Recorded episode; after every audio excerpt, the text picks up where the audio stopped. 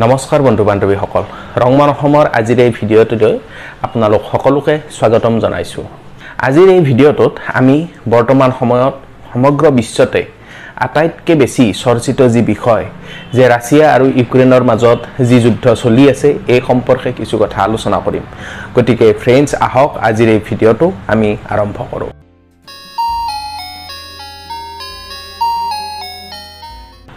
Friends আপোনালোকে জানে যে বৰ্তমান সময়ত সমগ্ৰ বিশ্বই এক সংশয় আৰু শংকাপূৰ্ণ জীৱন অতিবাহিত কৰিব লগাত পৰিছে। কাৰণ বিশ্ববাসী বৰ্তমান শংকিত হৈ আছে যে তৃতীয় বিশ্বযুদ্ধ হৈ যাব পাৰে নেকি।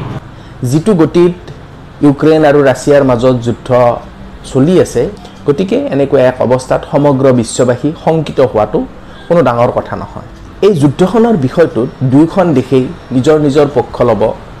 ইউক্ৰেইনে নিজৰ ফালৰ পৰা যুক্তি দিব আৰু ৰাছিয়াই নিজৰ ফালৰ পৰা যুক্তি দিব।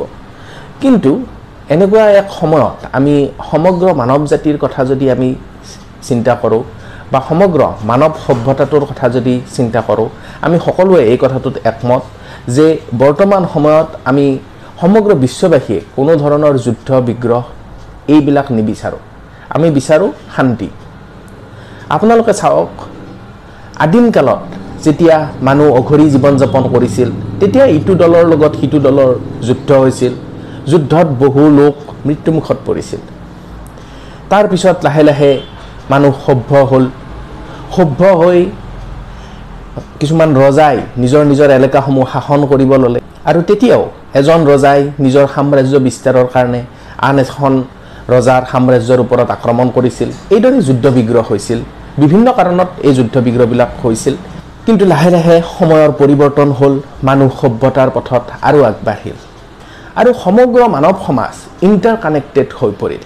ইয়াৰ ফলস্বৰূপে আপোনালোকে নিশ্চয় জানে যে যোৱাটো শতিকাত যি দুখন বিশ্বযুদ্ধ হৈছিল অৰ্থাৎ প্ৰথম বিশ্বযুদ্ধ আৰু দ্বিতীয় বিশ্বযুদ্ধ এই দুখন বিশ্বযুদ্ধই সমগ্ৰ মানৱ জাতিয়ে এই যুদ্ধ দুখনত অংশগ্ৰহণ কৰিছিল।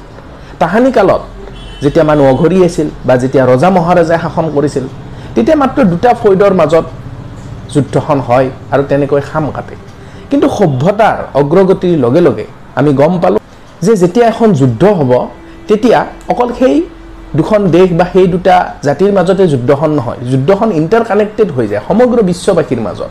গতিকে বৰ্তমান সময়ত আমি দেখিছোঁ যে পুৰণি কালত যি সঘনাই যুদ্ধবিলাক হৈছিল বৰ্তমান সময়ত যুদ্ধৰ পৰিমাণটো যথেষ্ট পৰিমাণে কমি আহিছে। আজিকালি যুদ্ধ ইমান বেছিকৈ নালাগে কাৰণ মানুহ সভ্য হৈছে। কিন্তু যিকেইখন লাগে সেই যুদ্ধকেইখনত সমগ্ৰ বিশ্বই ইয়াৰ লগত জড়িত হ'বলগীয়া হৈ যায়। কাৰণ আগৰ দিনত মানুহবিলাক যিটো মানৱ সভ্যতা আছিল সেইটো ইমান বেছি ইণ্টাৰ কানেক্টেড নাছিল। কিন্তু আজিৰ যিটো অৰ্থ ব্যৱস্থাই হওক বা যিটো সমাজ ব্যৱস্থাই হওক সেইটো হৈছে ইণ্টাৰ কানেক্টেড এতিয়া ৰাছিয়া আৰু ইউক্ৰেইনৰ মাজত যুদ্ধ হৈছে বুলিয়ে তাৰ প্ৰভাৱ আমাৰ ভাৰতত নপৰাকৈ নাথাকে।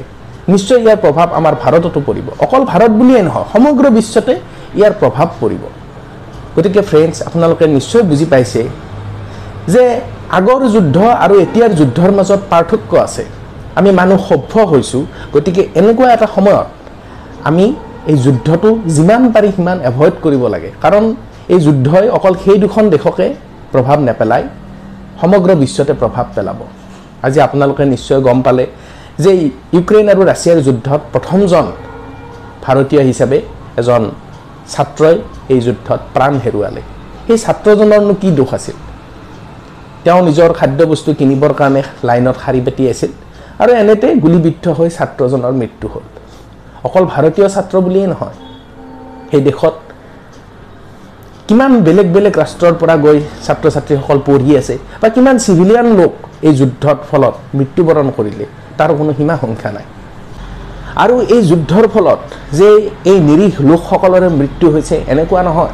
সমগ্ৰ বিশ্ববাসী যদিও প্ৰত্যক্ষভাৱে এই যুদ্ধৰ পৰা প্ৰভাৱিত হ'ব পৰা নাই তথাপিও পৰোক্ষভাৱে সমগ্ৰ বিশ্ববাসী ইয়াৰ দ্বাৰা প্ৰভাৱিত হ'ব।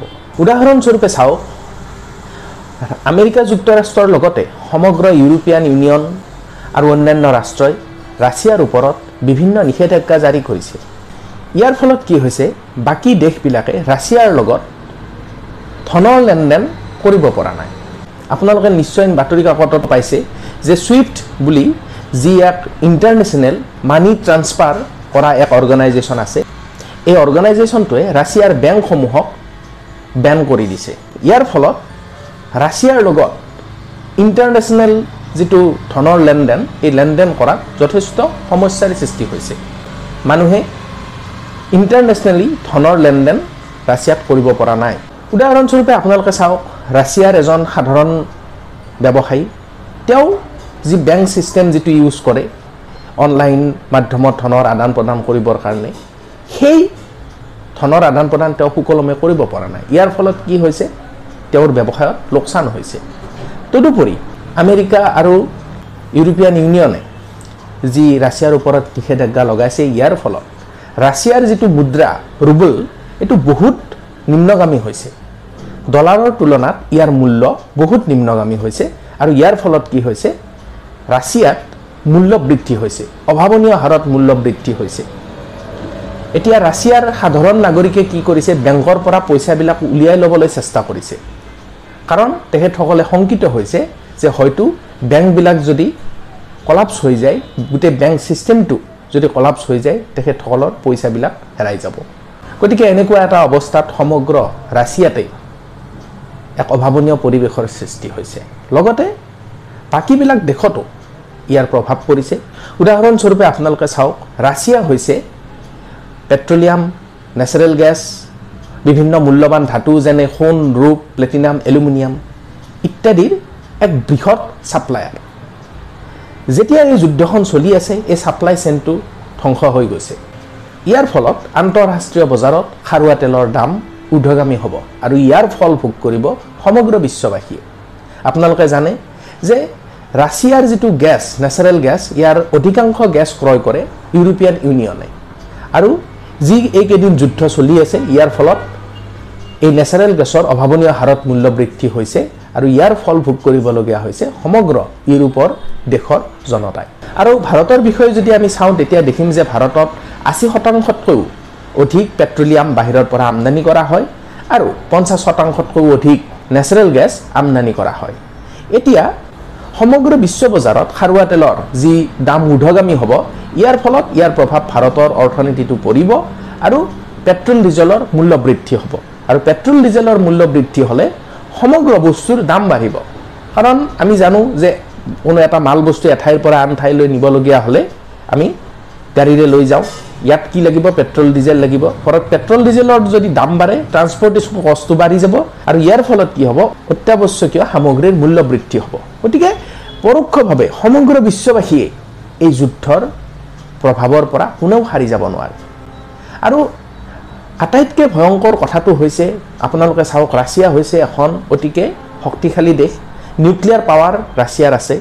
যদিহে এনেকুৱা সময়ত ৰাছিয়াই নিউক্লিয়াৰ পাৱাৰ যদিহে ইউজ কৰে তেতিয়াহ'লে সমগ্ৰ বিশ্বতে এখন পাৰমাণৱিক যুদ্ধৰ সূত্ৰপাত হোৱাটো কোনো অসম্ভৱ কথা নহয়।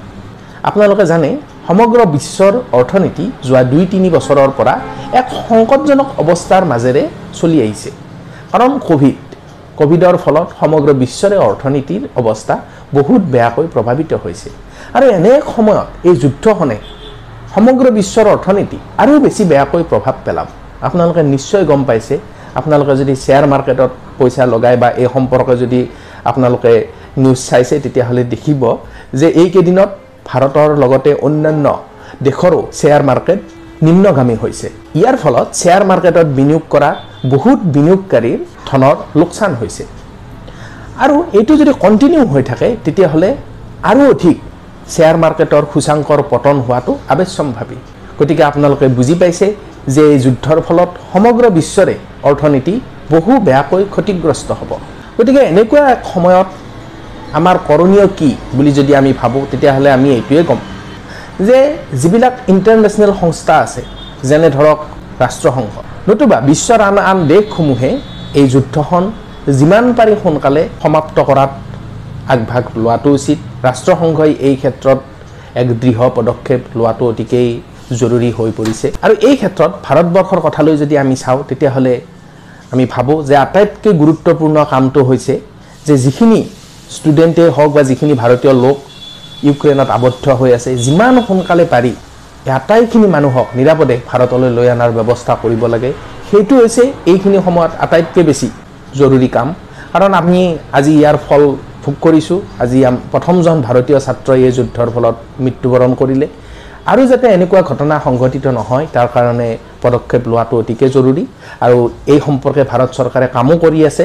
অপাৰেশ্যন গংগা বুলি এক অপাৰেশ্যন ভাৰত চৰকাৰে ঘোষণা কৰিছে। আৰু ইয়াৰ জৰিয়তে সেই ইউক্ৰেইনত আবদ্ধ হৈ থকা ছাত্ৰ ছাত্ৰী তথা ভাৰতীয় লোকসকলক অনাৰ ব্যৱস্থা কৰি আছে। আমি সকলোৱে আশা কৰোঁ যাতে এই অপাৰেশ্যন গংগা সফল হয় আৰু অতি শীঘ্ৰে সমগ্ৰ ভাৰতৰ যিখিনি ছাত্ৰ ছাত্ৰী বা যিখিনি ভাৰতীয় নাগৰিক ইউক্ৰেইনত আবদ্ধ হৈ আছে তেখেতসকল যাতে স্বদেশলৈ ঘূৰি আহিব পাৰে তাৰ আশা ৰাখিছোঁ। লগতে এই সমগ্ৰ যুদ্ধখন যিমান সোনকালে পাৰি সিমান সোনকালে যাতে সমাপ্ত হয়। আমাৰ সমগ্ৰ বিশ্বৰ অৰ্থনীতি যাতে আকৌ উন্নতিৰ পথলৈ আগবাঢ়ি আহে। আৰু আমি বৰ্তমান সময়ত এনেকুৱা যুদ্ধ আমি কোনেও নিবিচাৰোঁ। যুদ্ধ নালাগে আমাক শান্তি লাগে। সমগ্ৰ বিশ্বতে শান্তি স্থাপন হওক যুদ্ধ বিগ্ৰহ এইবিলাক সমাপ্ত হওক। আৰু সকলোৱে যাতে আমি ভালদৰে এই পৃথিৱীখনত বাস কৰি এই পৃথিৱীখন আৰু অধিক ধুনীয়া যাতে কৰিব পাৰোঁ তাৰ বাবে আমি সকলোৱে ব্ৰতী হোৱাটো দৰকাৰী। এইখিনি কৈয়ে আজিৰ ভিডিঅ'টো আমি ইমানতে সমাপ্ত কৰিলোঁ। আশা কৰিলোঁ আপোনালোকে এই ভিডিঅ'টো চাই ভাল পালে। যদি আপোনালোকে ভিডিঅ'টো চাই ভাল পালে ভিডিঅ'টো লাইক কৰিব লগতে কেনে পালে কমেণ্টত জনাব। চেনেলটো ছাবস্ক্ৰাইব কৰিবলৈ নাপাহৰিব। অহা খণ্ডত পুনৰ এক নতুন বিষয় লৈ অহাৰ প্ৰতিশ্ৰুতিৰে আজিলৈ বিদায় লৈছোঁ। আপোনালোকক বহুত বহুত ধন্যবাদ।